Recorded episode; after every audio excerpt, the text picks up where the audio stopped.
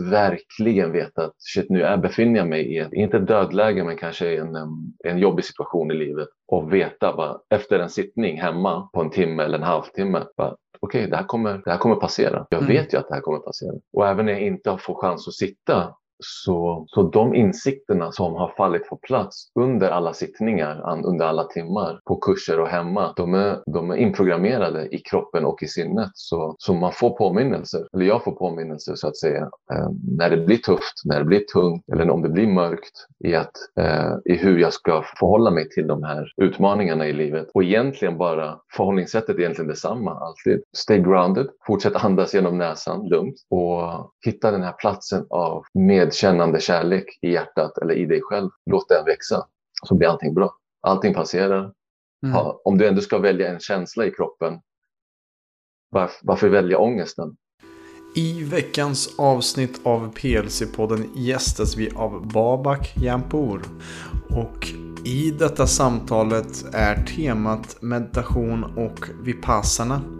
Babak har gjort till dagens datum fem stycken med passarna som är 10 dagars tystnadsretreat där du mediterar 10 timmar om dagen. Så vi delar både med oss av min och hans lärdomar kring våra Vipassana-resor.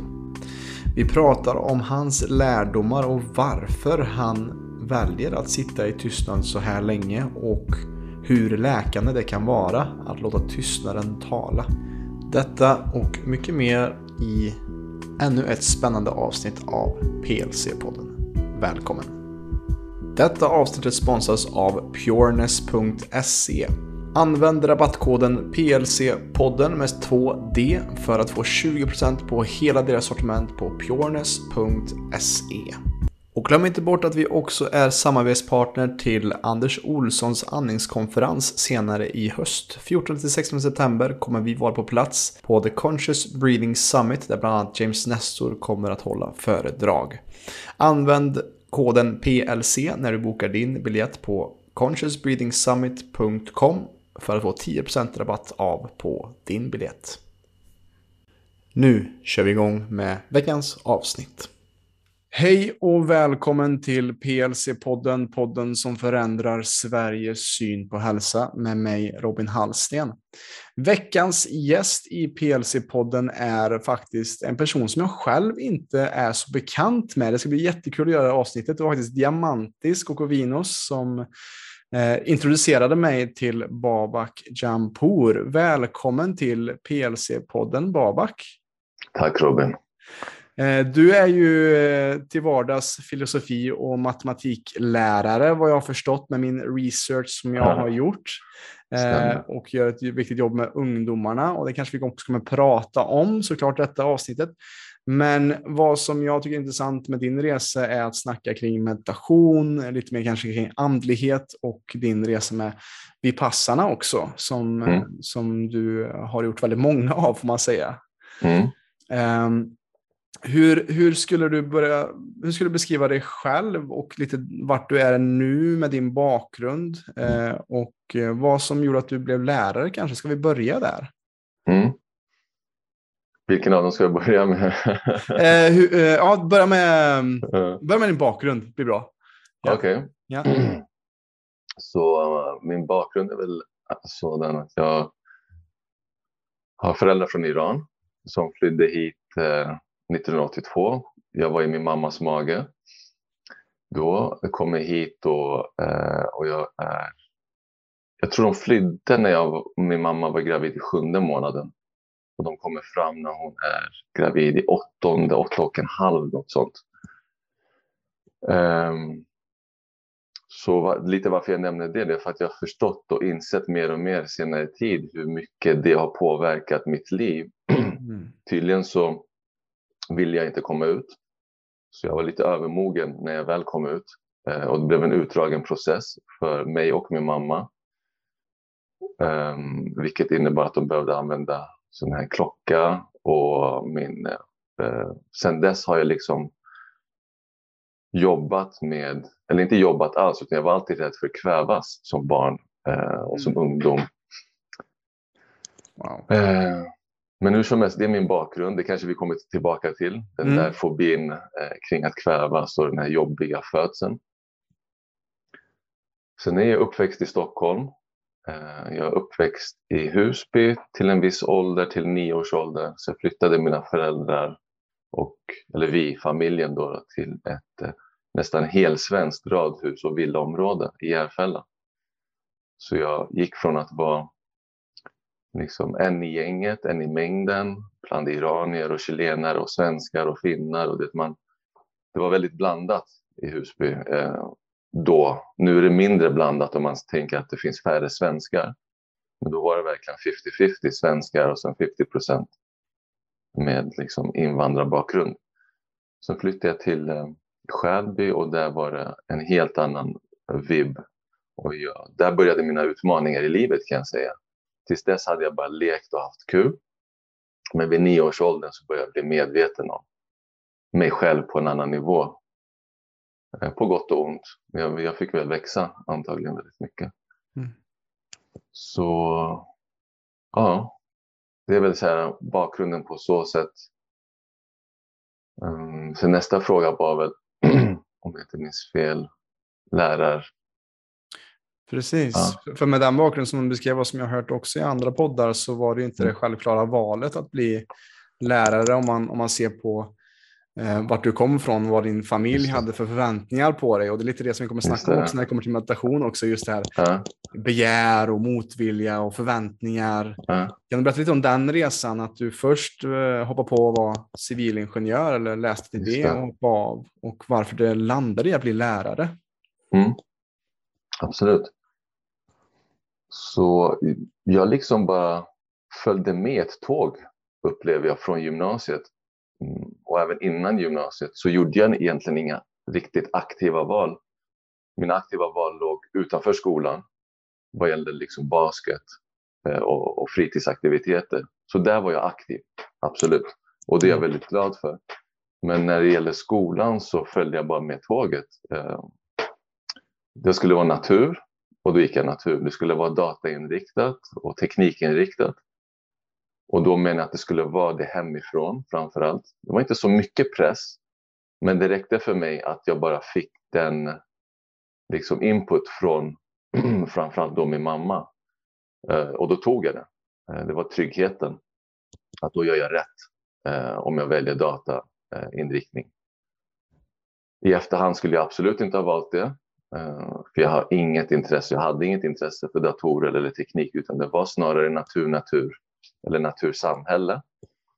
Och det var ju likadant då efter gymnasiet när jag tog studenten så hade jag ingen tanke på att ta något sabbatsår eller, eh, eller studera något annat än just civilingenjörsutbildning med inf ja, men datainriktning. Jag tror det var informationsteknik som utbildningen hette. Eh, vilket inte alls var jag. Eh, men jag trodde väl att det är det man ska göra. Man ska liksom sätta sig själv åt sidan och göra det som behöver göras. Eh, framförallt för att jag hade upplevt att mina föräldrar hade gjort det i så många år. Som jag tänkte att det här är väl det naturliga, det normala. Det är så här man gör som vuxen. Men eh, det tog inte många månader innan jag insåg att det inte går. Och jag tror att jag insåg det i kombination med att mina känslor tog mig till något som kanske kan liknas vid till början av att få ångest. Mm. Jag kanske inte hade riktigt ångest, men det var liksom, jag började smaka på vad ångest, hur det kan smaka. Och det var inte en härlig känsla. Och det var direkt kopplat till min liksom, studiesituation och, och, och hela, allt som hade med det att göra. Så jag hoppade av och eh, började, göra, började liksom med komvux lite bara för att ha något att göra. Pluggade spanska på universitetet eh, och var jätteinne i en, liksom hade en um, lite halvkomplicerad relation um, som tog mycket av min kraft och min energi. Så när det liksom läsåret så att säga var slut, då var jag fortfarande kvar på den eh, platsen som jag hade liksom, jag hade inte utvecklat mig själv alls, utan jag hade bara liksom utvecklat mig själv i förhållande till den här relationen egentligen. Mm. Eh, så liksom relations-Babak hade utvecklats, men eh, Babak som ska ta hand om sitt liv och, och hitta en väg eh, var liksom på samma plats. Så jag gjorde ett jätteroligt så kallat misstag. Jag, påbörjade, jag gick tillbaka till den där ingenjörsutbildningen eh, och fortsatte. Som är otroligt komiskt. Jag minns mina några vänner då bara skrattade åt det. Bara, Hur kan du så här lämna en utbildning och sen påbörja igen? Du visste ju att det inte var för dig. Och det var ju så sant. För eh, återigen, några månader behövde bara passera innan mm. jag fick de här ångestkänslorna. Ja. Och så lämnade jag eh, den utbildningen sen för gott. Och det var i kombination med att jag hade börjat vikariera eh, som högstadielärare som jag insåg att det här, det här är inte för mig. Mm. Eh, utan eh, liksom pedagogik och att jobba med människor hands-on och framförallt i, i, i skolmiljö är för mig. Just det. Så den hösten så eh, började jag plugga pedagogik på Lärarhögskolan och så därefter så blev det lärarutbildningen mm. terminen efter. Ja, det, jag tycker det är så intressant Babak för att, för att jag känner igen mycket i det du beskriver, just det här förväntningar som man har från familj kanske eller mm. som kanske inte är så starka men man kan ändå känna dem i ryggen på något sätt som mm. ung och jag tror många kan känna igen sig det som lyssnar också på att man kanske har valt en väg som inte mm. är min sanna väg eller min, mitt sanna jag skulle inte välja det här egentligen. Mm. Och, och, och jag känner också igen mig i det här att du gick tillbaka till en utbildning som du visste i ditt hjärta visste att det här är inte vad jag vill göra, men visste inte riktigt vad, vad finns förutom det här än den här vägen som är utstakad för mig. Mm. Och jag känner igen det också. Jag hade en period när jag gick igenom en ganska stor förändring där jag slutade dricka alkohol under en period och, eh, och tappade också mycket vänner på grund av det.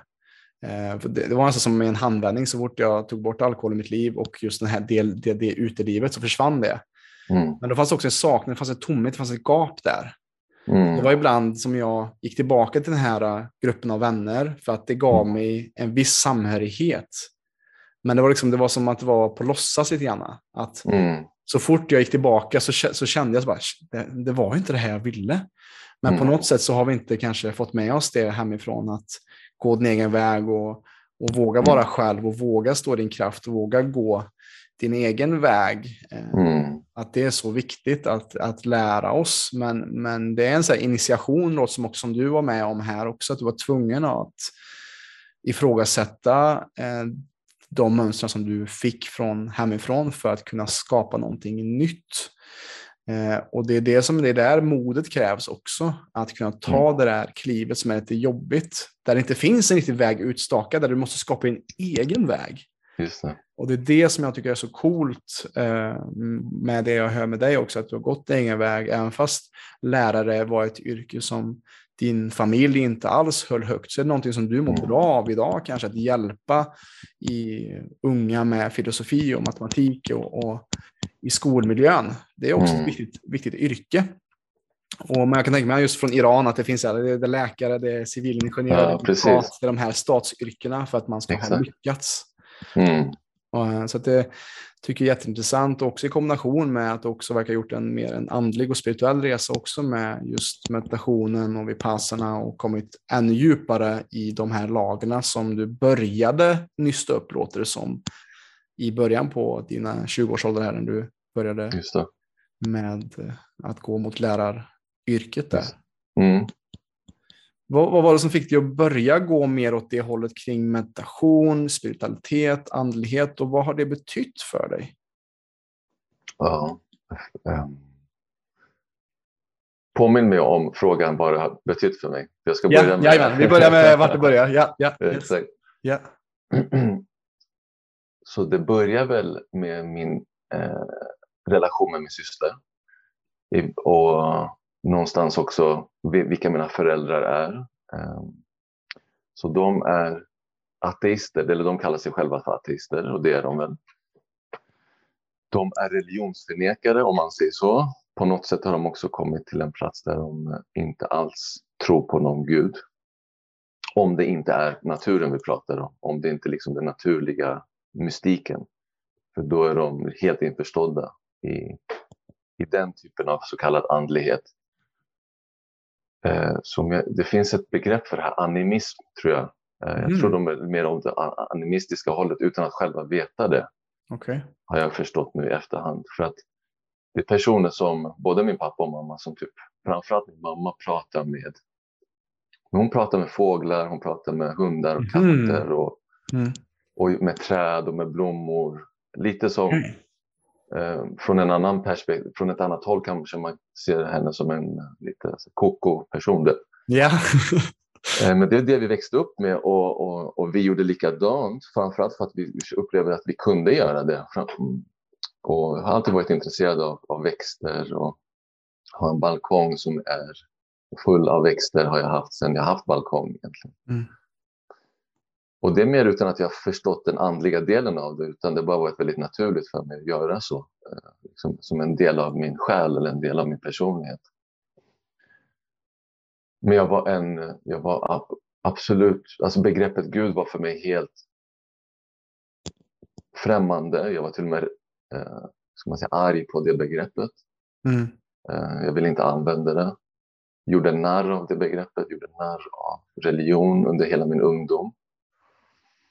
Och så den andliga delen egentligen utvecklades med, mina, med min syster skulle jag säga, eh, som i början då. Eh, starten var där. Eh, och vi hade inga begrepp för någonting, vi hade inga ord, men vi kunde uppleva synkroniciteter, vi kunde prata om... Jag minns att vi reste till ehm, Sydamerika, eller min syrra var i Sydamerika, hon var i Bolivia och åkte och hälsade på henne i Bolivia. Och där fick jag höra, vi gick till exempel på en, eh, vi blev inbjudna till en, inte en konferens, men en, ett seminarium reiki. Det var en man som bara fångade upp oss på gatan och jag hade hört reggae. Så jag trodde det var ett seminarium reggae. Jag bara perfekt, vi ska få höra lite skön musik. Ja. Så kommer vi upp och han bara pratar om liksom kristaller, han pratar om energier. Eh, och tänkte vi är liksom i hjärtat av Bolivia och vi, det är någon som pratar om sånt och pratar om de energierna. Och jag bara väntar på musiken. Men jag fattar allt han säger och det var egentligen första gången i mitt liv som de sätter ord på de saker som jag och min syster hade upplevt. Så den resan var väldigt betydelsefull för mig eh, i vilken jag kände att jag expanderade. Jag, jag fick kontakt med vissa delar av mig själv som också förstod vissa skeenden och händelser som jag hade varit med om. Men jag hade fortfarande inga begrepp. Eh, Mm. Det var mer så här som, ett, eh, som initiation kan man säga. Men jag var helt utelämnad i att jag inte har något begrepp. Jag visste inte var jag skulle vända mig. Och det var inte heller så att jag sökte mig till, till någon eller något. Utan med tiden så, så kom de här begreppen framför allt och vägledningarna kom genom eh, en, eh, en kärleksrelation. Um, och där, där finns en koppling till dig i vilken, nu, nu nämner vi det i podden, Mm. så din flickvän som jag förstått eh, var bäst, hon var då bästa vän med den personen som eh, på något sätt presenterade mig igen för reiki Mm pratade om de här begreppen och då var jag så här, det här är ju typ nonsens. Jag tänkte jag kommer från ett liksom ateistiskt hushåll och den här personen berättar om energier och man kan liksom kanalisera genom händer och, och, och tog vara på typ drömmar eller hon tog vara på, på liksom vissa sinnesförnimmelser som jag kunde bara kasta bort och tänka så här, det är bara en dröm eller det är bara något jag förnimmer. Liksom. Och när den relationen tog slut, då var det som att jag bara var i den världen och upplevde allt som låt säga, hon hade pratat om.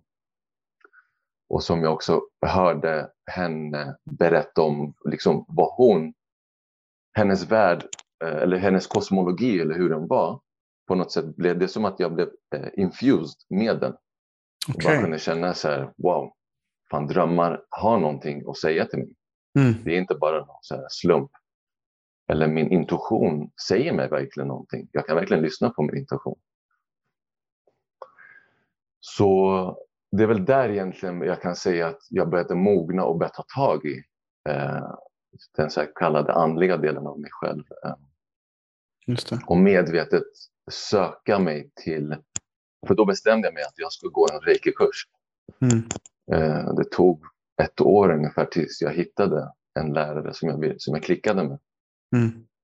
Och med den kursen så, så det tog, alltså från den här resan med min syster till att jag faktiskt gick min första reiki-kurs så, så gick det tre år. Men därefter så, så var jag på banan och jag började förstå. Och det är exakt lite mer än tio år sedan som jag började kunna säga, liksom, själv sätta pusslet. Mm. Eh, själv kunna liksom förstå pusselbitarna. Och självklart med hjälp av vänner, med hjälp av som, som många andra, med hjälp av Youtube-klipp, böcker, eh, ljudböcker och så vidare. Men framförallt vänner och bekanta har haft en jättestor del av min resa. Eh, rätt personer har kommit in i mitt liv i rätt tidpunkter. Som har sagt rätt saker, de har verkligen väglett mig. Och så har jag bara gått på det. Jag bara känner så här, nu är till exempel så här, Robin är här. Eh, efter det här samtalet så kanske jag tar med mig en sak och då vet jag att det är det här jag ska mm. Eh, liksom, implementera och assimilera in i mitt liv. Typ så har det varit, min resa har varit. Liksom. Ja. Det var starten på resan. Så att. Mm.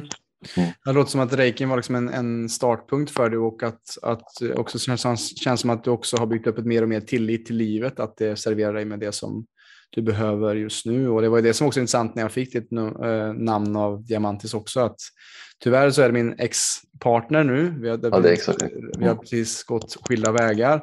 Men att ni också hade en, en kontakt, så det var intressant hur liten världen är också.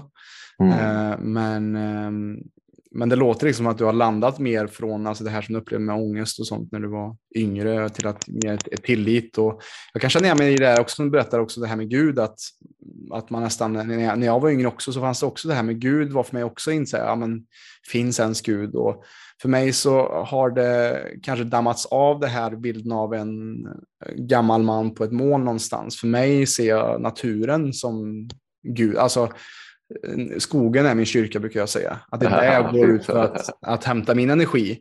Och jag behöver inte förklara och sätta ord på det, utan jag bara kan känna det. Att någonting inom mig slappnar av. Särskilt mm. om jag är barfota också mot jorden jag går på. Mm. Eh, och för mig är det inte så flummigt. Liksom, utan det, det, jag känner bara att det är en djupare kontakt. Och det är mycket det som när man också växte upp kanske i en urban miljö som du i Stockholm, då är man också mm. mer disconnectad mot det där för att man lever mycket betong och går på betong och man är inte i, i skogen. Så det är intressant att ni också hade just en, en balkong med grönska i, ja. bara för att inte komma, glömma bort den kontakten med naturen. Mm. Men eh, ja, jag tror att många som lyssnar kan förstå att det har betytt mycket för dig. Men om du vill sätta ord på det, vad har det betytt för dig de senaste de här tio åren då, som har varit med på den här mm. banan för dig? Jag har växt in i mig själv. Jag eh, har, jag kan inte säga att jag under all, de senaste åren egentligen som ångesten är helt borta. Mm. Om ens gnu, någon gnutta. Eh, eh, fin, det finns ingen gnutt, någonting kvar av den. Utan det den har gjort, den har möjlig, den, den har eh, det har blivit som en symbios mellan förståelsen att allt är möjligt i universum till den verklighet i att allting är möjligt. Så det är nästan som att jag pendlar mellan att gå eh, mellan ett sånt här statiskt, så kallat tråkigt, om du förstår, så här Stockholms mm. verklighet. Mm. Där det handlar om att bara eh, gå till jobbet och komma hem och träna och liksom träffa vänner. Vilket är fantastiskt, men det är inte så mycket magi kring det hela. Nej. Till eh, en värld där det bara är magi och allting är möjligt. Mm. Så det är någonstans där jag eh, har de här båda delarna och jag eh, har också förstått att det är just i Stockholm jag ska vara närmaste tiden för att koppla ihop de här. Ja, magin ska komma in i den här storstaden, den ska komma in i, den här, i det här gråa. Och jag kan göra det. Jag kan tillåta magin i mig själv. Mm. För att också sprida den i min omgivning, framförallt på skolan, utan att behöva sätta ord på saker och ting, utan bara vara. Ehm, Så den tilliten att jag är på rätt plats, jag valde rätt, att få jobba med ungdomar, att få ha liksom så årskullar som kommer och går, som tampas med de uh, issues och de liksom svårigheter som jag själv tampades med. Kanske. Jag började tampas med dem i 20-årsåldern. Mm. Jag vet ju och, och, av erfarenhet att många börjar tampas med dem tidigare. Och då behövs det väl någon, eh, någon eller några som, eh, som kan liksom hålla ställningarna, vara någon form av pelare. Mentorskap. Lite mentor, precis, vara Mm. mentor. Så jag vet att min plats på skolan är, eh, den är klockren. Mm. Ingen ångest kring det, vilket jag också hade i många år. Så är det verkligen det här jag ska göra i alla mina liksom, verksamma år? Gå fram och tillbaka till en skola, hålla samma kurser. Så vidare. känner jag så här, Ja. det är en, bless, det är en välsignelse att, Mm. få, att, få, att få vara där. Att också vara så uppskattad både av elever, kollegor och av le- skolledning. Att okej, jag gör ett bra jobb. Gör det bara med hjärta. Gör det med hjärta och, och, och känner verkligen att jag... Jag var en person som var väldigt mycket i tankar. Jag var väldigt analytisk. Jag hade ett jättebra minne. Eh, Jag var väldigt analytisk. Jag var otroligt um, man intelli- intelligent i termer av den här analytiska logiska. Och jag minns att eh, folk som var mindre analytiska brukade säga att jag behöver vara mer i mitt hjärta och vara mer Mm. i, i intuitionen. Och nu när jag tänker tillbaka och liksom upplever mig själv nu så märker jag att jag, jag, mitt minne är inte lika starkt av någon anledning. Jag är inte lika, jag har kvar det analytiska och logiska absolut, men det är inte där min energi ligger längre. Utan det är, typ, det är verkligen i hjärtat och mycket mer i magen så att säga, mindre i huvudet. Mm. Eh, Och det, det har varit fantastiskt hjälpfullt för mig själv och för min omgivning. Jag hade inte varit här liksom att ha den här fantastiska hustrun som jag har i mitt liv. Ha ett barn och ett till som är på väg. Om jag bara hade varit kvar i mitt huvud, det är jag övertygad om. Jag hade eventuellt varit i en annan relation. Eh, Jag hade inte mått lika bra. Mm. Eh, Varken i den relationen eller i mig själv. Det finns så mycket i det som du säger här som jag bara vill gå in i. Ja. För det, det är så mycket som dyker upp det här just att det finns, som jag hör också du berättar, men ska jag vara lärare i mitt liv? Ska jag verkligen göra det här? Och att det finns, du vet, ett egot vill säga, ska jag inte göra något mer med mitt liv? Eller när Mm. man har sin familj och, och den bakgrunden att det kanske finns en strävan att göra det här. Men varför inte göra det jag gör just nu till den viktigaste saken att göra? Att, och som jag ser, jag, är, är någonting jag har saknat när jag växte upp som ung man så var det att ha äldre män i mentorspositioner som kunde just ge eh, sin kunskap och sin visdom. Och eh, det behövs mer än någonsin bland de unga idag, Mm. just att, att vi har det. Mm. Eh, och så tänkte jag också på vad som dök upp när du pratade, att, som säger att det behöver inte alltid vara vad man säger. Mm. Alltså den bästa älskaren är den, är den tysta älskaren. Den bästa Mm. läraren är den tysta läraren. Mm. Och likväl som du hade problem med din ångest också när du var yngre. Eh, som jag ser också, jag hade också jättemycket prestationsångest hela mina tonår egentligen. Eh, och det som jag ser det, ångest är oftast ett resultat av att vi går mot hjärtat. Att vi Mm. går mot själen och att det den här lilla, det som så här, pockar på Mm. när man är själv med sig själv eller när livet inte känns helt okej, då är det ett tecken på att den här smärtan är viktig att Mm. acceptera och att möta. För den har, någon, den har mycket visdom att vägleda oss till att bli mer än vad vi tror att vi är, tror jag. Mm. Vad, vad Men- tänker du när jag säger så? Äh, jag håller med, 100 procent. Att det är en vägledning, att det är en eh, påminnelse från hjärtat. Från, in, ja, från hjärtat, låt säga, eller som du använder begreppet själen. Mm. Eh, det här funkar inte. Eh, tänk om. Mm, Och så vidare. Men absolut ett sätt för vår helhet att påminna huvudet och kroppen om att eh, tänka om och göra något annat. Mm. Jag har andra möjligheter här. Ja. Mm. Och samma som man säger också, grunden till all ångest och stress, det är en brist på närvaro i nuet. Mm. för i nuet, i den här tidlösa spacet, när vi är på toppen Mm. av nuet, som eh, Kåre Landfall, en av mina lärare, säger, Mm. då finns det inte så mycket att oroa sig för. Det är liksom Mm. när vi tänker bakåt på vad som har hänt i vår historia, eller kollar, projicerar framåt. Det är där de här problemen skapas, som vi skapar just den här ångesten och stressen. Och tänker vi kan väl segway in här på just Vipassana som du kom i kontakt med. Faktiskt, vi kom i kontakt med Vipassana samma år. Ja. 2017 satt jag också 10 dagars Vipassana i Thailand utanför Okej. Chiang Mai Ja. i, i ett uh, Wat Chong Tom, tror jag någonting sånt hette det. Vad var det för månad? Minns du? Eh, det var runt 5 till 10 februari till 15 Ah. februari, någonstans, någonstans där i början på året. Ja. Ja. Vad fint. För då avlöste vi varandra. Det var jag tänkte, det kändes som det. Ja. Eh, Min kurs startade 15 februari. Jaha, okej. Wow. Mm. wow. Och du gjorde den i Indien första gången? Va? Indien. Just Ja. det, just det. Ja. Och, och för de som inte vet, som kanske hör Vipassana, kan du lite förklara vad, vad är Vipassana om du skulle beskriva det för någon som inte är, eh, ja, som inte känner till Vipassana, vad skulle du beskriva Vipassana är för någonting? Mm, det är en meditationsteknik i vilken man eh, lär sig, eller man, man ska observera kroppsförnimmelser. Så allt som händer inom ramverket av våra kroppar ska vi observera. Eh, och självklart så är det svårt att observera allting på en gång. Så man tar kroppsdel för kroppsdel, riktar eh, fokus och energi till och, och inget mer än att bara observera. Och det är viktigt att tillägga. Så det handlar inte om att försöka manipulera energierna i kroppen.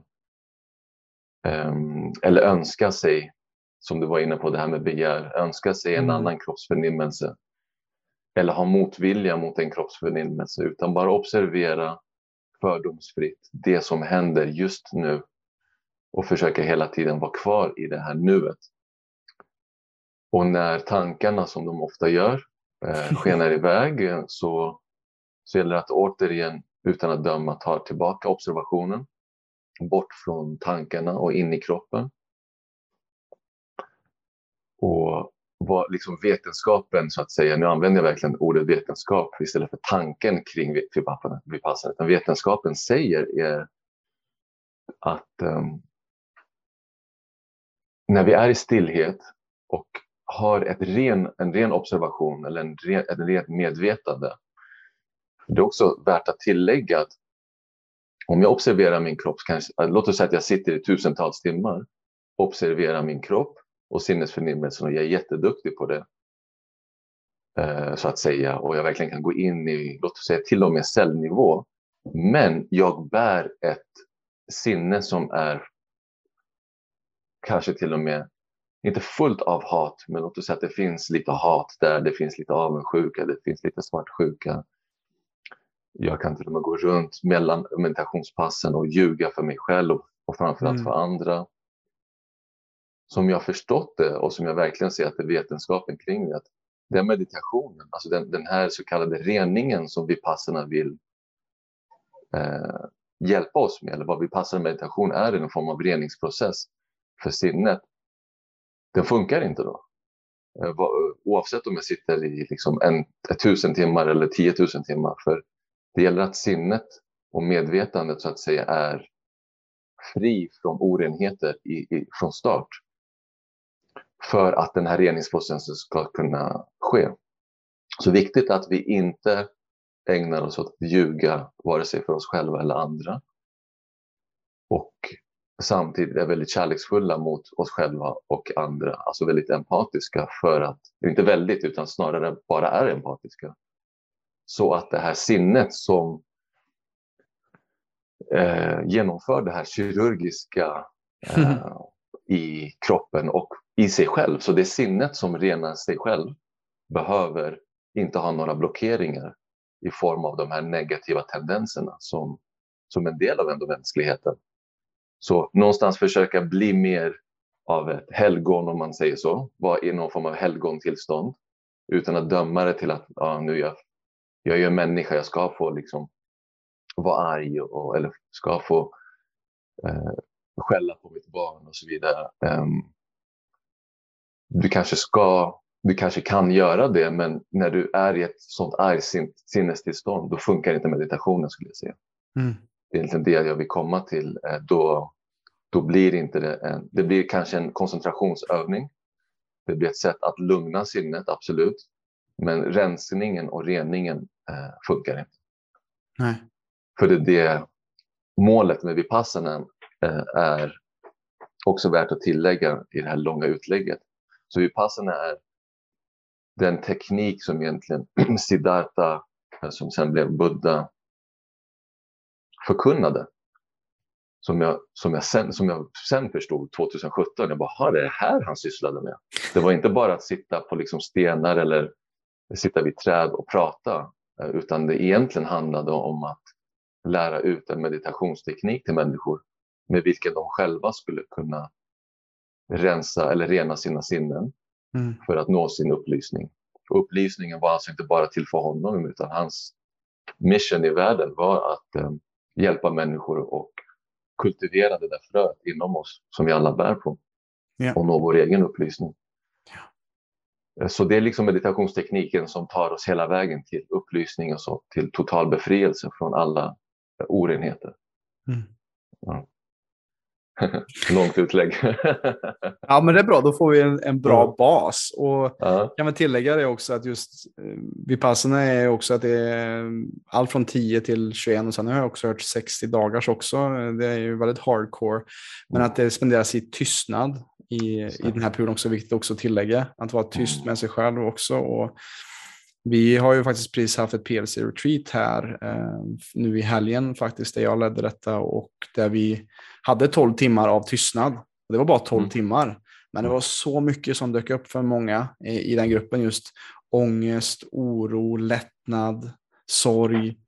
Eh, allting kom upp när mm. vi stänger av lite och pratar och och kopplar på oss inåt istället. Det, det, är någonting magiskt med tystnaden och vad den kan läka och därför jag tror jag också letar mig ut till skogen nästan var och varannan mm. dag för att hitta just det här lugnet som finns där helt enkelt. Och det låter också som att eh, den vipassan som du gjort har jag hört är Goenka style. Det som jag gjorde i, i Thailand var mer, det var ju väldigt intressant för samma där hade jag byggt upp en förväntning av vad pastan skulle vara. Jag tänkte att mm.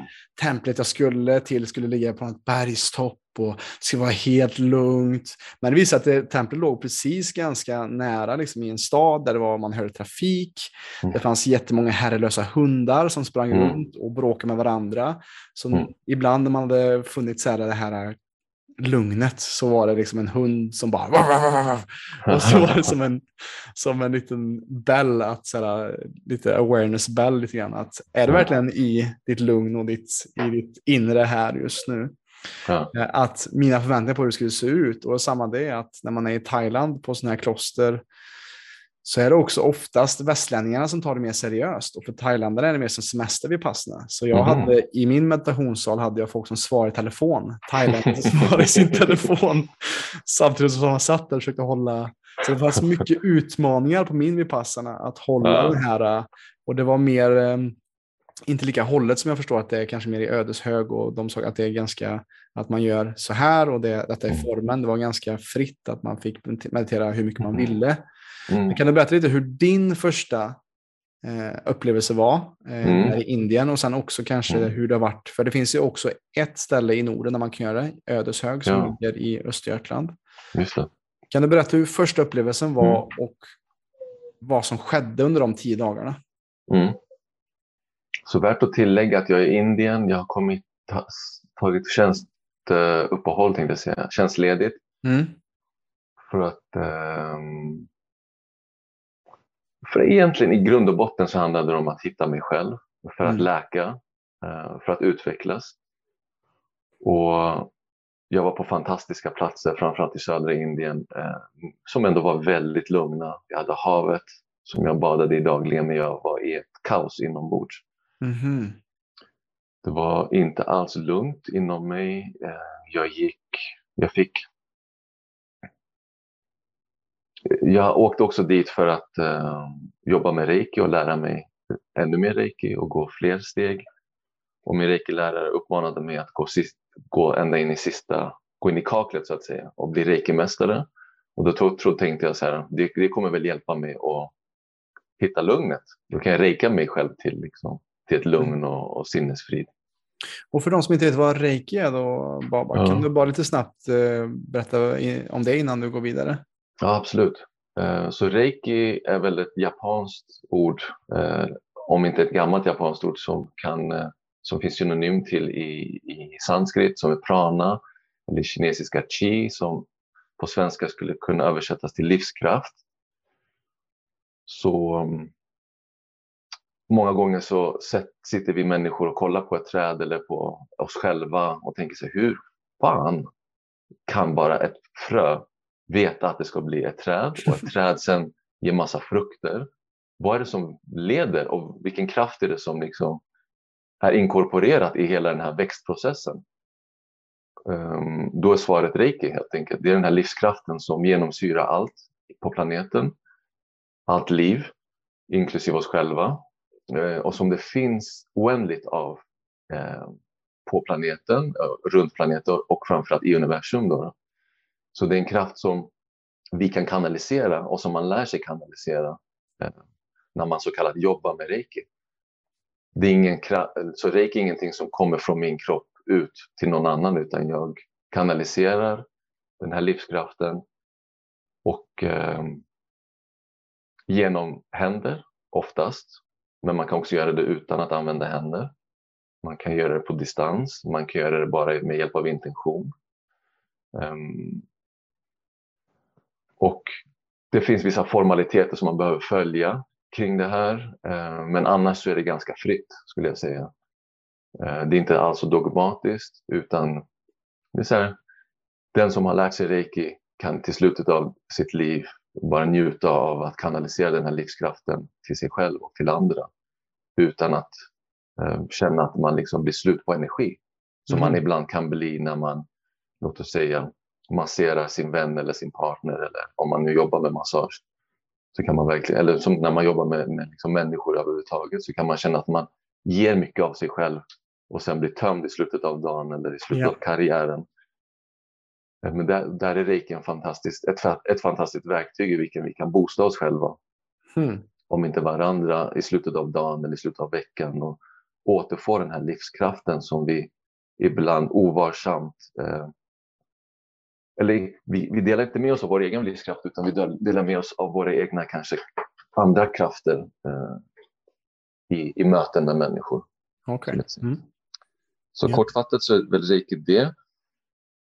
Men jag fann ändå, om vi går tillbaka till Indien då, då så, ja, så är jag en plats av eh, ofrid. Um,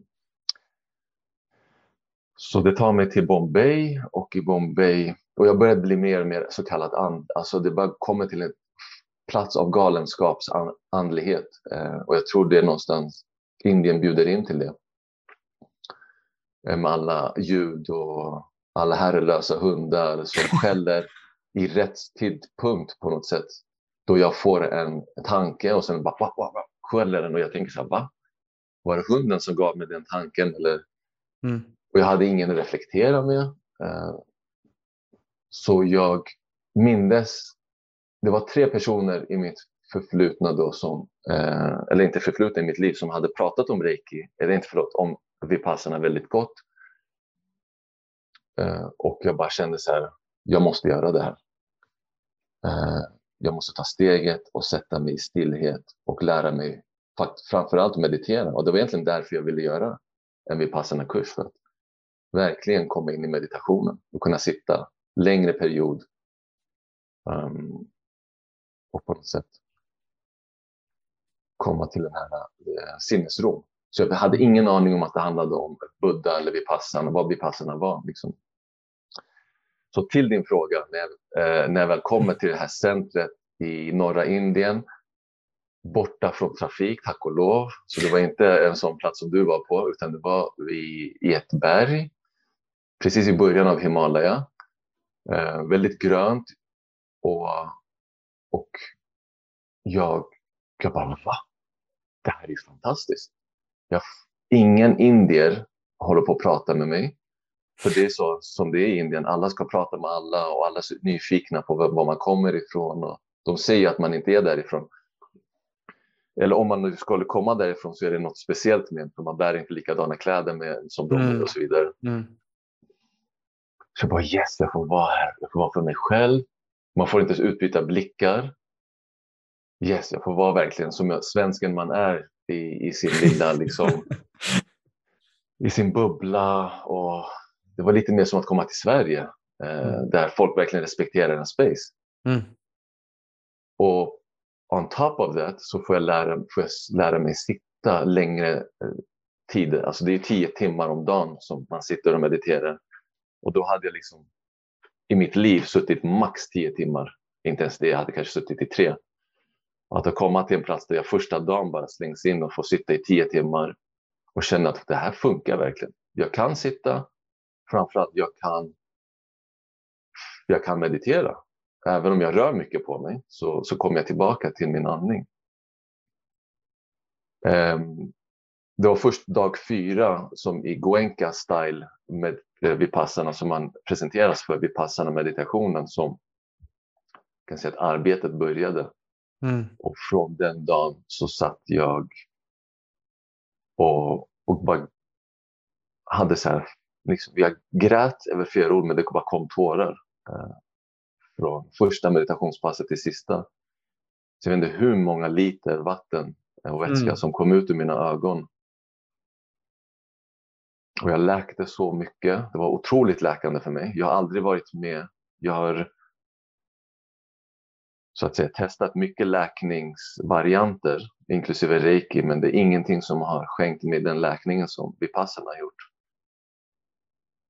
Um, så jag, jag, kom hem. Det är så jag kände. Nu är jag hemma i den här tekniken och jag kände mig väldigt... Eh, det kändes som att jag hade gjort det i tidigare liv. Eh, och då är egentligen då i mitt liv som jag började också acceptera att och börja se mönster som inte bara är bundna till det här livet utan att det finns någon form av kontinuitet i mitt medvetande som sträcker sig längre tillbaka än bara den här födseln. Mm.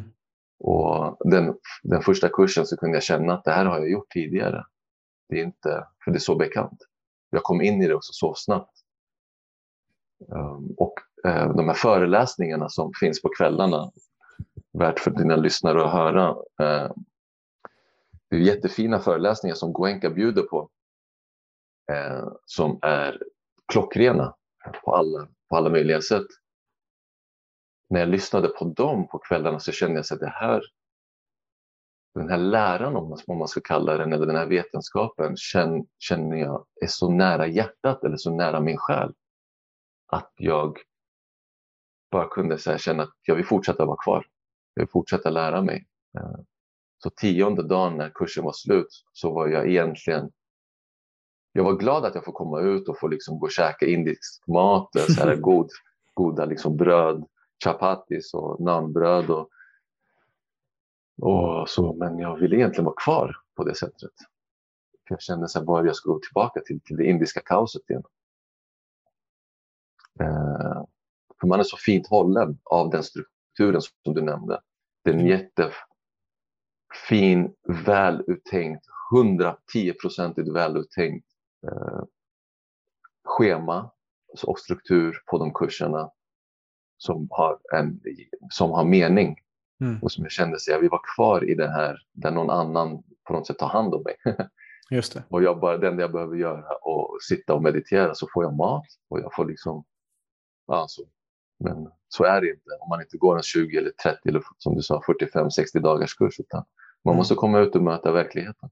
Yeah. Men jag kom ut och jag var mycket lugnare, värt att säga. Jag var mycket lugnare och jag kände att Indien inte alls var jobbigt längre.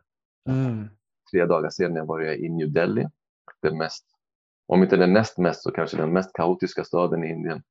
Vi bodde mitt i staden eh, i två veckor och jag var där, med, var där med min skola. Eh, och jobbade sen eh, med skolan där och jag kände bara, jag är mitt i kaoset men jag känner att jag har en enorm liksom, lugn inom mig. Mm. Så det hjälpte det mig och det lugnet har bara fortsatt växa kan man säga. Ja. Och det, det är någonting som sker när, när vi faller in i en struktur där någon håller, tar hand om alla våra basala behov. Så vi bara kan slappna av, eller hur? Att vi kan möta oss själva i tystnaden. Eh, det är jätteviktigt för en läkande process att ha någon som håller en struktur för att vi ska kunna slippa tänka på eh, jobb och, och familj mm. och partners och den biten. Och det är det som jag tycker är så vackert också, att du säger att du kom hem till dig själv, du landade i dig själv för första gången kanske någonsin i ditt liv. Och mm. att när vi gör det, när vi kommer i mm. kontakt med det, så kan vi mm. vara i New Delhi. Vi kan vara i Stockholms T-central klockan fyra på en fredag eftermiddag mm. och ändå kunna känna att jag är i mitt egna space och jag känner mig inte splittrad. Mm. Och det är någonting som också ligger mig nära om hjärtat för, för som jag har märkt också när jag hade också mycket ångest så var det jag greppade alltid efter kontrollen utanför mig själv, vilket gjorde att jag skapade nästan ett OCD-beteende. Mm. Att, jag försökte kontrollera allting annat, alla andra mm. variabler utanför mig själv, för mm. att mitt inre var i, i bitar och kaos. Mm. Vilket gör att det är en ändlös jakt för att jag kan inte ens påverka vad du kommer säga i din nästa mening, Babak. Hur mycket jag än försöker så kan jag inte äga din tunga. Eh, precis, som, eh, ja, precis som att jag inte kan veta om en bil kommer köra förbi utanför här och störa och tuta eller någonting under den här inspelningen, utan det gäller att ha tillit till att landa in i sig själv och hitta det här djupet, det här lugnet som viktigt att kultivera och som man kan få just en Alltså de här första tio dagarna, det är ju grymt, men sen när man kliver utanför, det är där det riktiga jobbet startar, eller hur? Exakt. Mm. Eh, att just hur kan vi kultivera, hur kan vi bringa in detta i vår vardag, hur kan vi ta in detta i min relation, hur kan jag mm. Komma med det här lugnet? Och jag också, innan vi går in i det så tänker jag också, vad, mm. vad ser du har varit nyckeln, vad har varit den här viktiga aspekten som gjort att du kom till det här, att du kunde släppa taget, att du kunde tillåta tårarna. Vad, vad, mm. har, vad tror du är med den här Goenka Vipassanan, eh, just vad, vad är den nyckeln som du tror är viktigast för att nå dit? För min egen del, om, om, och så kommer vi in i själva receptet som Goenka mm. Mm. tog med sig ut från Burma. För min egen del så handlade det om att jag hade kraschat mer eller mindre. Mm. Så jag hade kommit till en, till ett, eh, till en återvändsgränd. Mm. Och uh, desperat kanske fel ord, men åt det hållet. Jag, var, jag hade tagit vissa vägar tidigare som jag kände att de vill jag inte ta. Eh, de skänker mig till, uh, tillfällig avslappning och avkoppling, men det tar mig inte till djupet. Och jag var redo att gå på djupet. Så, så det skulle jag säga, att jag var redo att göra jobbet så att säga. Yeah. Redo att möta mig själv. Um, och sen sa min syster en fin sak som var kvar med mig. Hon sa, du, om du gör det här, för hon hade gått en kurs några månader tidigare, då är det viktigt att du verkligen litar på alla som är där. Du litar på upplägget och du litar på den här liksom läran och, och verkligen går in för det i helhjärtat.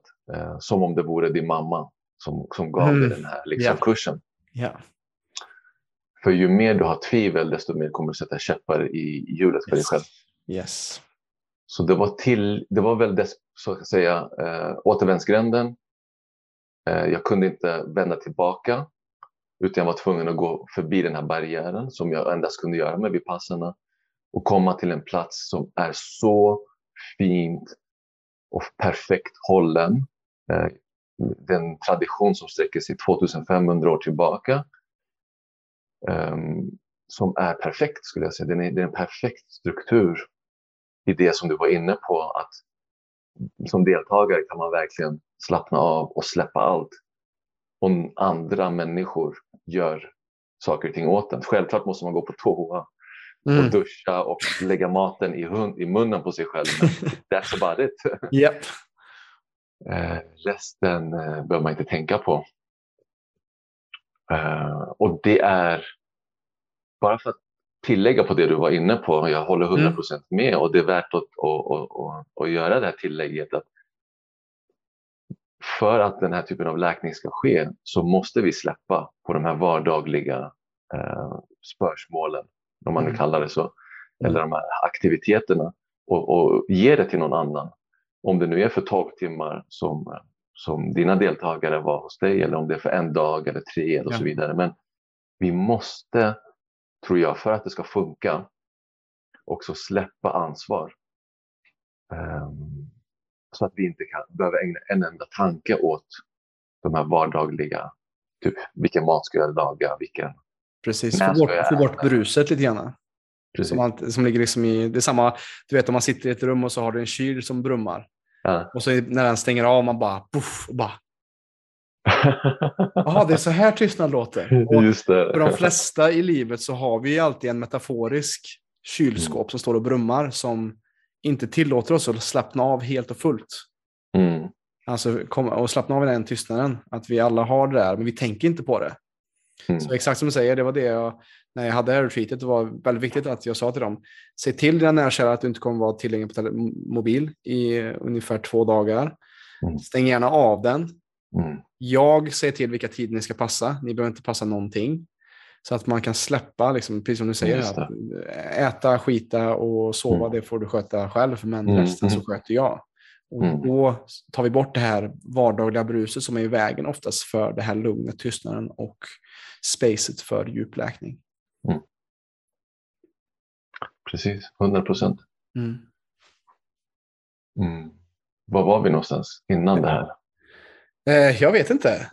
Vi, vi pratar ju liksom om... om det är fantastiskt. Men, men jag tänker vi kan, vi kan väl eh, gå vidare in i... För att det var ju fem år sedan du gjorde din första Vipassana. Just det. Och du har Ja. gjort en sittning varje år, vi har förstått sedan Mm. dess. Mm. För att gå ännu djupare. Så du spenderar ungefär 500 timmar i Vipassana, sammanlagt ungefär. Mm. Precis. Hur har det påverkat dig som människa?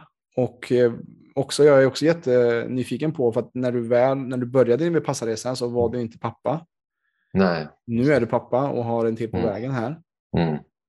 Det är jag jätteintresserad över. Hur mycket har det här tystnaden och att kultivera det här? För många, du vet också när jag jobbar med meditation mycket, många Mm. bara, men varför ska jag sitta still? Varför ska jag göra ingenting? Alltså, Mm. vad finns för nytta med det? Mm. Kan du lite berätta, vad, vad har du, vad har det betytt för dig, de här, den här att göra en Vipassana varje år och vad har det betytt för dig och, och din familj nu också? Mm. Absolut. För mig har det varit, jag har valt kurserna, förutom den första så har jag alltid valt kurserna så att det överlappar nyår. Jag fyller år på nyårsafton, så det har varit min Aha. egen födelsedagspresent till mig själv har jag sett det som. Nice. Men också avsluta året med, med, med Vipassana och så Mm. påbörja det nya året med, med, med en kurs. Mm. Rent symboliskt så har det varit eh, precis det jag har gjort, liksom, eh, rensa eh, i mig själv, det förgångna och sen eh, träda in i det nya året med, eh, med lite liksom, så kallade renare sinne, eh, lättare sinne. Och den här lättheten och tilliten till processerna, till naturens gång så att säga, har varit min stora hjälp att eh, verkligen lita på... Alltså, jag, jag, när jag säger verkligen så menar jag så här, man, man litar ju alltid på naturen, tror jag. Eh, annars skulle vi inte fungera. Man, natur, man litar på naturens gång. Men att verkligen veta att shit, nu är, befinner jag mig i ett, i ett, inte ett dödläge, men kanske en, en, en jobbig situation i livet. Och veta vad, efter en sittning hemma på en timme eller en halvtimme, bara, okej, det, här kommer, det här kommer passera. Jag Mm. vet ju att det här kommer passera. Och även när jag inte får chans att sitta så, så de insikterna som, som har fallit på plats under alla sittningar, under alla timmar på kurser och hemma, de är, de är inprogrammerade i kroppen och i sinnet. Så, så man får påminnelser, eller jag får påminnelser så att säga, eh, när det blir tufft, när det blir tungt, eller om det blir mörkt i, att, eh, i hur jag ska förhålla mig till de här eh, utmaningarna i livet. Och egentligen bara förhållningssättet är egentligen detsamma alltid. Stay grounded. Fortsätt andas genom näsan lugnt. och hitta den här platsen av medkännande kärlek i hjärtat eller i dig själv och låt den växa. Och så blir allting bra. Allting passerar. Mm. Ha, om du ändå ska välja en känsla i kroppen, varför, varför välja ångesten? Mm. Ha, alltså, försök inte se bort från ångest, utan den, den är där. Men vilken plats kan du jobba för att väx, det, som ska växa i dig? Eh, och det, det lärde jag mig också jättemycket på Vipassan, förutom att observera min egen kropp. Och, och så den här medkännande empatin eh, som man kan känna för sig själv och framförallt alla varelser var något jag lärde mig på de här kurserna och har lärt mig sedan dess. Gång efter annan. Eh, som är en jättestor del av, av mitt liv. Förutom att som sagt observera kroppen, att också rikta energi. För det, jag, det, jag, det är också en del av de tre meditationsteknikerna är att rikta tankar och kärlek till sig själv och andra. Mm. Uh, och som förälder så, så är det just det. Mm. Jag, jag har upplevt hur, hur jag självklart som alla andra människor har tendenser som jag har uh, fått med mig från barnsben, från när jag var liten, när jag var ett och ett halvt som min son är nu. Som har liksom programmerats in i mitt sinne. Och när min son ger mig de utmaningarna som jag gav mina föräldrar, det är så jag ser det, så reagerade de på ett visst sätt som ibland är det naturliga sättet för mig att reagera. Och vad Vipassanan har gjort och den här meditationstekniken är att kunna observera min reaktion innan den blir en reaktion. Mm. Och kunna agera istället för att reagera. Så på så sätt också kunna programmera om mig själv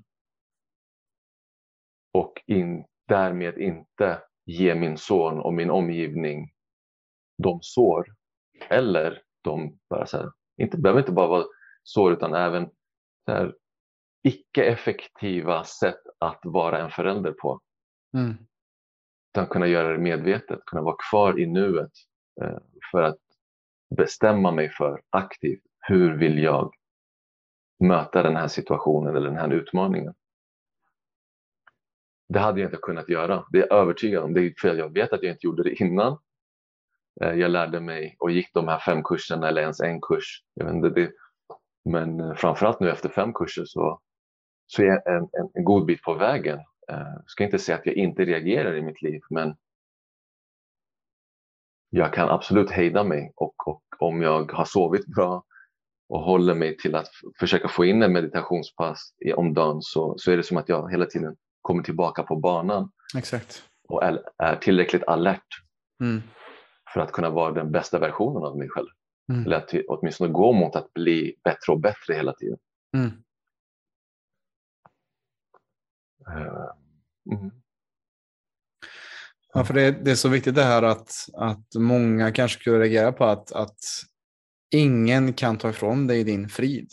Alltså ingen kan göra dig arg, ingen kan göra dig glad, ingen kan göra dig ledsen. Det är upp till dig och hur du reagerar. För att det är samma sak om du har tio personer i ett rum och säger en sak så kan folk bli fly förbannade. Säg om, mm. säg om vi kanske skulle haft fem av olika religioner till exempel, om man säger mm. en sak om Gud och eller mm. man kanske vanhedrar någons sätt att se på Gud och mm. kanske stärker någon annans bild. Och mm. det har ju ingenting med, med den som säger någonting att göra egentligen. Mm. För att det är hur vi är programmerade och tolkade mm. att hur ska vi ta emot detta? Som om jag inte skulle förstå till exempel eh, arabiska eller någonting och någon säger någonting fult till mig, så hade jag inte reagerat för att jag mm. pratar inte det språket. Men för att om du skulle säga något på svenska till mig eller eh, och säga att jag är ful eller dum mm. eller äcklig och det finns någonting inom mig som tycker att jag är det, mm. ful, dum, äcklig, så kommer det att resonera med det och skapa liksom att jag blir arg på den person som säger det, men det är att ilskan kommer från mig, inte av personen egentligen. Det. det. är också någonting, men, men det är också ja, det är någonting som man kanske inte tänker på så ofta, att just det som vi, de känslorna som vi uppringar inom oss själva, de kommer egentligen inte från den personen som säger någonting till dig, utan det är din reaktion. Och det är det som du mm. säger så viktigt där, att kunna stanna upp, observera tanken och känslan som dyker upp och inte agera på den. Men det är där, det är där den riktiga utmaningen kommer för att det är lätt att man går in i sina gamla mönster mm. eh, och beteenden eh, och inte bryter dem. Och det är där jobbet är varje dag, att show up for what shows up, verkligen. Mm, verkligen. Mm. Fint uttryckt. Mm. Och det, och det är det som jag tycker också är så intressant med det här som du sa att allt övergår. Det var samma som jag fick höra av den här gamla tanten som introducerade mig till just meditation när jag kom till Thailand. Där. Att jag, jag tror att tre, precis, jag vet inte om jag kommer ihåg alla, men hon sa det att this too shall pass mm. and everything that you have or will ever have will be taken from you. Alltså de här två basala, jag kommer inte ihåg riktigt vad den tredje var, men men att allting är övergående och allting som du har eller någonsin kommer äga eller ha kommer att tas ifrån dig. Alltså oavsett om du är miljonär, miljardär eller hemlös i slummen i New Delhi mm. så kommer vi alla lämna jorden utan några tillgångar. Och det är också ganska grundande att få höra det, att ah, just det, släppa taget, det här non-attachment som jag tycker är så fint i buddhismen, att, mm. att inte vara för fäst vid de sakerna som vi har omkring oss. Att allting kan på ett bräde tas ifrån oss. Det är bara att se vad coronapandemin gjorde med alla våra planer. Att vi kanske hade jättemånga utstakade planer för framtiden, projiceringar mm. som inte blev sanna. Och då har vi förväntning av någonting som inte sker. Och då blir vi ledsna eller arga eller besvikna för att någonting skedde som inte var i plan. Så vi kan väl prata lite om det också. Mm. Just det här, jag hörde i någon annan podd, just det här begär och motvilja som mm. jag tycker är så intressant att lägga fokus på att när man har begär mot någonting eller när man har ett motstånd mot någonting. Det är oftast där som jag ser också emotionellt som vi kan skapa sjukdomar i vår kropp. Vad, vad tänker mm. du kring det? Absolut, jättefint att du tog det dit. Uh, för um, det jag ser, då jag upplevt av egen erfarenhet och förstått i den här uh, så kallade vetenskapen, som jag vill kalla den, är att det är just med begär och motvilja som vi skapar orenheterna i vårt sinne. Och sinne och kropp är två sidor av samma mynt. Um, så när någon, en, en orenhet i form av begär sker så är det egentligen, jag ser det som en form av spänning i, i kroppen eller i sinnet som äger rum. Och de här spänningarna perfekta platser för sjukdomar, eh, låt oss kalla det för virus eller bakterier, att eh, liksom få gro. Eh, när kroppen är eh, avslappnad, när den är i frid, när sinnet är avslappnat och i frid, eh, när den är kärleksfull så finns det inte plats för det finns inte plats för, för de här eh, virusen och bakterierna att få fotfäste. Och nu pratar jag om virus och bakterier för man kan också prata om energier som till exempel, som du nu nämnde, att man kanske har en kund eller ett möte med en person som bär ett, um, ett ilsket sinne eller som är argsint. Uh, och efter det mötet så kan man känna så här, att man känner sig påverkad med vad man egentligen har gjort tror jag i sin grund är att man har till, dels kanske tagit in den ilskan och, gjort, eh, och reagerat på den. Mm. Och tycker att det är jobbigt att man reagerar på den och så skyller man ifrån sig på den andra personen. Yeah. Men framförallt tror jag också ofta att vad den gör är att den påminner den energin så att säga, eller sinnestillstånden som den andra bär, påminner om någonting som man själv bär på. Exakt. Eh, och man hamnar i någon form av mm, vad heter det när man, när man eh, vibrerar på samma frekvens? Exakt, tack. Koherens, man, man, ja, man säger det på svenska. Men... Så man vibrerar likadant och går in i en koherens. Och yeah. så återigen så skyller man ifrån sig och tänker mm. så här, det var han eller hon som fick mig att känna mig så här resten av mm. dagen. Mm. Istället för att ta ansvar för, för den motvilja. För då handlar det om motvilja igen. Mm. Ehm, jag öppnar inte upp mig helt och hållet för vad som faktiskt är just nu, utan jag har motvilja. Och den motvilja då orsakar min huvudvärk eller eh, mina negativa känslor. Så de i sin tur, motviljan och begäret, ser jag som två sidor av samma mynt. Eh, som är grunden till vårt lidande. Det är grunden till våra sjukdomar som du var inne på. Eh, det är grunden till alla orenheter i kroppen och sinnet. Och jag, nu har jag nämnt det här begreppet orenheter eh, tiotal gånger.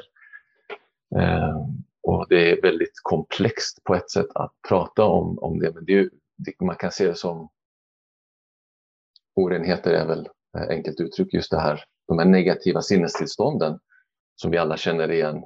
Mm. Eh, som sen ger upphov till de här e-, negativa kroppstillstånden som vi alla känner igen som vet, ryggverk, muskelverk, huvudvärk yeah. och sen eh, i sin ytterlighet blir sjukdomar.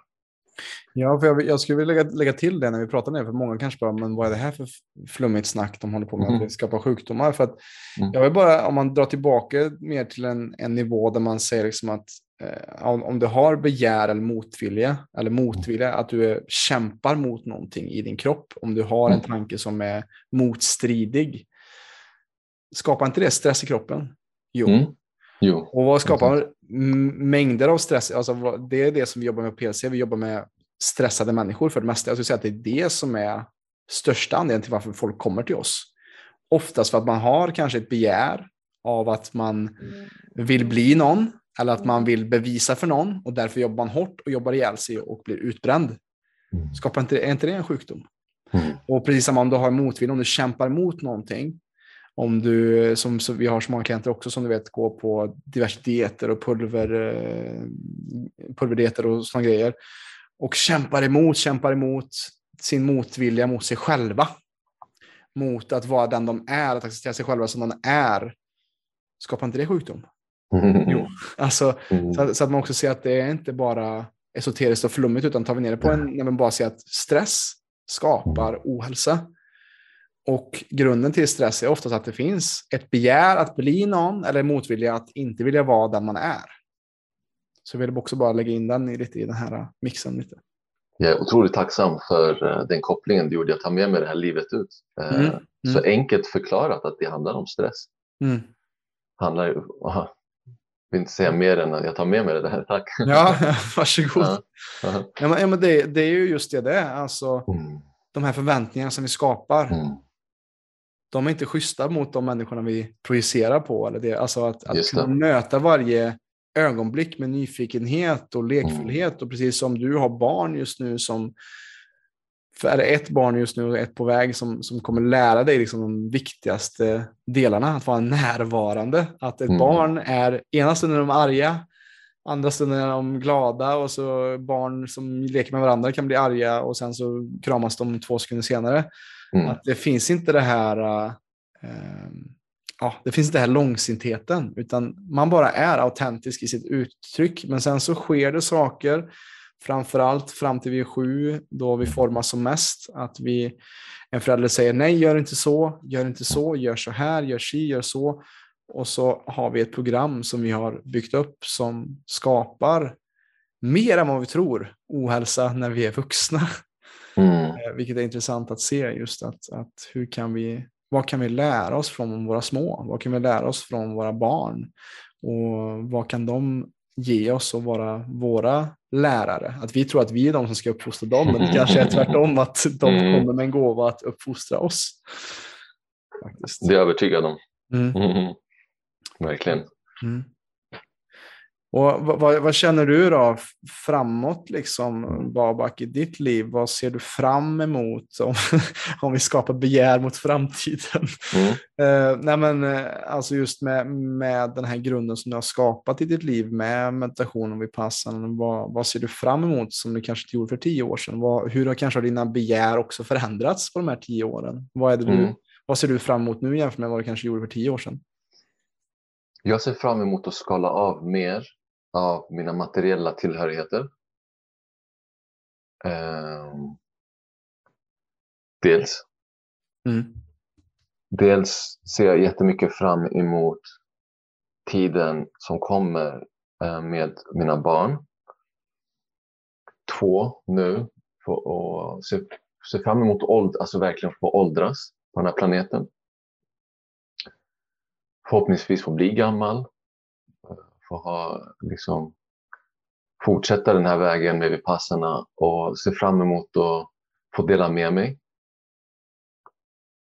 För jag tror inte att vi längre behöver dela med oss så mycket. Eller det, det, det är så jag ser att vi, jag, vi behöver inte ha föreläsningar och sittningar, eh, satsang tror jag det heter, eller? Ja, satsang. Mötas i sanning. Ja, så här, sitta mm. och lyssna på en så kallad lärare yeah. som ofta är män, mm. men en människa, utan det handlar om att nu finns de här redskapen och verktygen. Eh, framförallt finns i Sverige som du nu nämnde. Eh, det mm. finns flera Vipassana skolor än bara Goenkas. Eh, och vi alla kan få tillträde till de här uh, juvelerna. Och men för min egen del så, så vill, ser jag fram emot att få vara med och sprida ordet. Det är det väl jag gör. Så, och kanske nyfikenhet hos, hos människor på arbetsplats, i mitt privatliv, nu med den här podden till exempel. Mm. Men också se fram emot att få fortsätta re rena mitt sinne och, och rena min kropp eh, utan stress. Jätteviktigt det tillägg, att inte känna att vi, så här, jag måste fasta till exempel. Mm. Jag vet att det är bra för kroppen så jag måste hålla den här fastan. Och så kommer en jättefin måltid som svärföräldrar har bjudit på och som hon har lagat och jag bara nej, nej, nej, nej, jag ska inte käka för jag ska fasta ytterligare fyra timmar. Yeah. Utan vara, också se fram emot det här lekfulla. Det behöver alltid inte vara så hårt utan gör det lekfullt, gör det, följ. En öppenhet mot livet är vad jag hör. Ja, mm. öppenhet mm. precis mot livet och när, när det bara är du som är mästaren i ditt mm. eget space, då mm. kan du börja mixtra med, med tider och mixtra med om du förstår vad jag menar. Men yeah, sitta yeah. kanske en timme, göra andningsövningar. Men annars verkligen inkorporera öppenheten så att du ska kunna gå flera år till och med utan meditation mm. och ändå bevara ett balanserat sinnestillstånd. Det ser jag fram emot också, komma till en, till en sån plats i mig själv. Att, mm. eh, att inte vara beroende av meditationen. Mm. mm. Om du förstår mig. Yeah. Um, och sen att få fortsätta jobba med människor, ser jag fram emot. Fortsätta mm.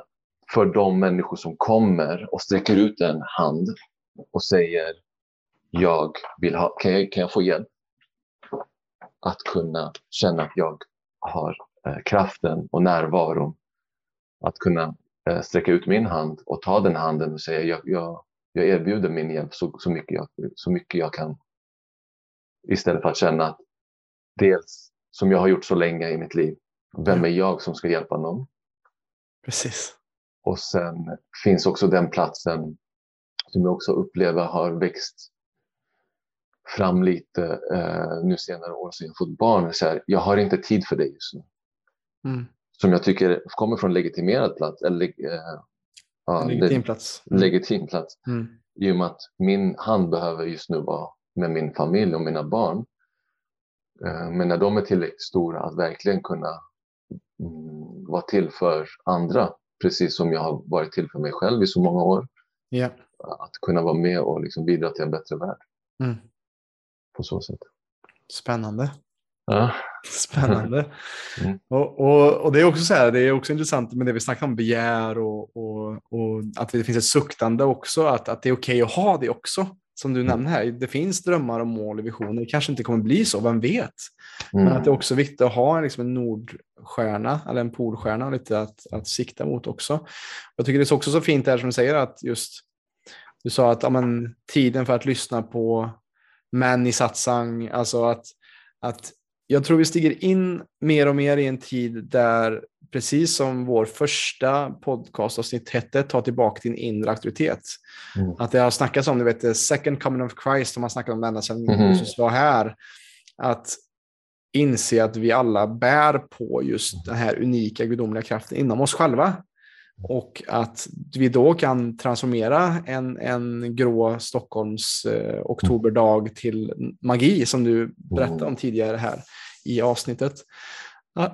Att inse att vi alla har exakt vad vi behöver i oss själva. Om vi bara stannar upp och lyssnar in och lyssnar på den och låter mm. tystnaden också tala ibland till oss helt enkelt.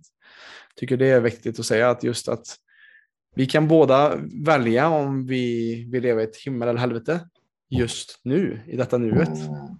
Alltså vad, vad vi vill fokusera på, vad vi kollar på. Vill vi fokusera på ilskan och ångesten eller rädslan som vi har pratat om?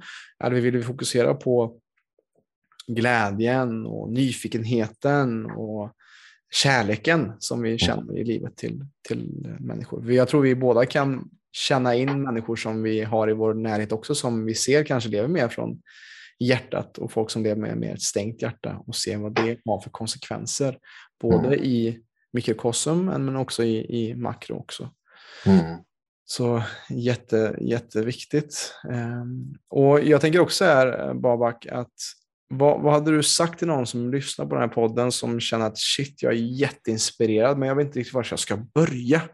Hur mm. börjar meditationen? Börja med att kanske smaka på vipassarna. Vad hade mm. du sagt till den personen som lyssnar just nu? Jag skulle säga eh, googla Vipassana Sverige och sen kommer in på Dhammasobbarnas hemsida och läser där Eh, en kort beskrivning om, om vad Vipassana är. Om du känner fortfarande att det resonerar med dig så anmäl dig till en kurs. Eh, jag ser inte, från, i och med att jag har tagit den vägen, så, så är det endast den vägen som jag ser just nu i alla fall, som, mm. Mm. som jag vill rekommendera till alla. Och med det så inser jag också att en kursgård i Norden kan ju inte klara av så många människor. Men Nej. ju fler som kommer, uh, alltså just nu är det ju ganska fullt, eller det är väldigt fullt. Varje kurs blir ju full.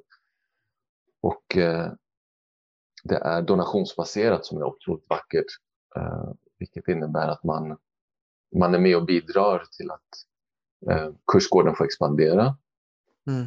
och att man eventuellt kan bygga fler kursgårdar i Norden och i världen. Yeah. Men ta, ta verkligen det steget. Det är hundra timmar av, av läkning, av expansion, av att verkligen få växa och lära sig eh, vipassana meditation och två andra meditationstekniker som är helt fantastiska, som eh, är perfekta för oss människor. Mm. Eh, så det gäller att, att känna att man kan också investera cirka 12 dagar av sitt liv. Men det är ingen investering som är mer, um, som ger mer avkastning skulle jag säga än mm. den. Just do it. Som Just do it. ja, men all investering i oss själva är ju någonting som vi kan bära med oss. När det kommer ja. investeringar i materiella ting så är det klart att det kan vara trevligt. Men de kommer också att uh, minska i värde och värdet till oss själva kommer, ju mer vi kultiverar värdet till oss själva, desto mer har vi att, att ge. Mm. Eh, och, och för, för er som lyssnar kanske tycker att oj, 100 timmar, det låter jäkligt mycket och, och det kan det vara. Det kan vara liksom en chock eh, att komma igång med det. Men att börja, börja enkelt då. Börja med, har du aldrig mediterat förut? Ta fem minuter bara, sitt i stillhet och notera mm. din in och utandning. Fem mm. minuter, mm. tre minuter, fem andetag. Starta där också. För allting stort börjar i de här lilla stegen vi tar i varje medvetet andetag och närvaro. Så det är väl också jag skickar med dig som lyssnar att mm. känner inte överväldigad över att man kanske behöver gå på Vipassana direkt, men att man kanske mm. vill komma ut i skogen, ta av dig skorna, sätt dig mm. ner och, och njut av vinden mot din kind eller solen mm. mot ditt ansikte. Det kan också vara meditation mm. i, i alla dess former. Du kanske mediterar fast du inte vet om det, fast du, du kanske har ett annat ord för det mm. i, i nuläget. Um, så stort tack. Jag tänker att vi börjar runda av här Babak eh, för idag. Har varit jättefint och det, jag tycker det är alltid lika kul när man inte har så mycket kött och benen kring varandra och mötas på ett här, sånt här öppet hjärtligt sätt. Jag känner verkligen eh, djup tacksamhet för det här samtalet och eh, förstår varför Diamantis också tipsade kring dig också. Eh, men för de som är intresserade av att veta mer om dig eller komma i kontakt med dig Babak, vart kan de hitta dig? Eh, de kan eh, hitta mig på Instagram just nu. Mm. Så jag har ett konto som heter Babak Jampur. Mm. Och där kommer jag också lägga upp. Jag ska börja jobba nu när vi har sommarlov mm. så blir det lite reiki-sessioner som jag ska komma igång med på just eh, Diamantis klinik mm. i eh, Solna. Så om någon känner sig att man vill, och jag kommer jobba som alla gör, jobba med reiki på, på, på sitt sätt. Och jag har mitt egna sätt som jag presenterar. Eh. Så Babak Jampur på Instagram. Ja. Och med tiden även på Spotify kommer musik komma fram. Mm. Nice. Musik? Mm. Mm. Aha, är du, sjunger du och spelar också? Ja, sjunger och spelar, precis. Ah, fan nice. Uh-huh. Nice. Vad är det för uh, genre du kör? Jag skulle säga medicinmusik, ah, eh, guidande nice. musik nice. eh, för eh, så här, olika former av eh, ceremon ceremoniell, ceremoniella tillställningar. Underbart. Härligt. Ja. Mm. Det vill jag höra mer av. Ja. Ja, men, men tack eh, Babak för, ja. för idag helt enkelt. Och för dig som lyssnar har detta varit intressant, inspirerande just att eh, ja, blicka inåt i dig själv så som vi har gjort här idag med att snacka om meditation, vipassana, begär och motvilja. För all del, dela med dig av det här avsnittet så att vi med stadig takt kan förändra Sveriges syn på hälsa. Mm. Tack för idag Babak. Och Tack själv Robin. Detta är inte sista gången vi pratar, det kan jag lova. Nej, ser fram emot nästa. Stort tack för att du har lyssnat på detta avsnitt av PLC-podden. Om du som lyssnare är intresserad av att få bättre balans på din kropp och hälsa så kan du gå in på www.plclub.se. Där kan du göra en gratis hälsoundersökning och läsa mer om hur vi hjälper människor på ett holistiskt sätt att skapa mer energi, få igång förbränningen och minska värk. Alltså www.plclub.se. Vi finns även på Instagram, YouTube, Spotify och Facebook at Premium Lifestyle Club om du vill ta del av mer gratis material. Stort tack för din tid här med oss.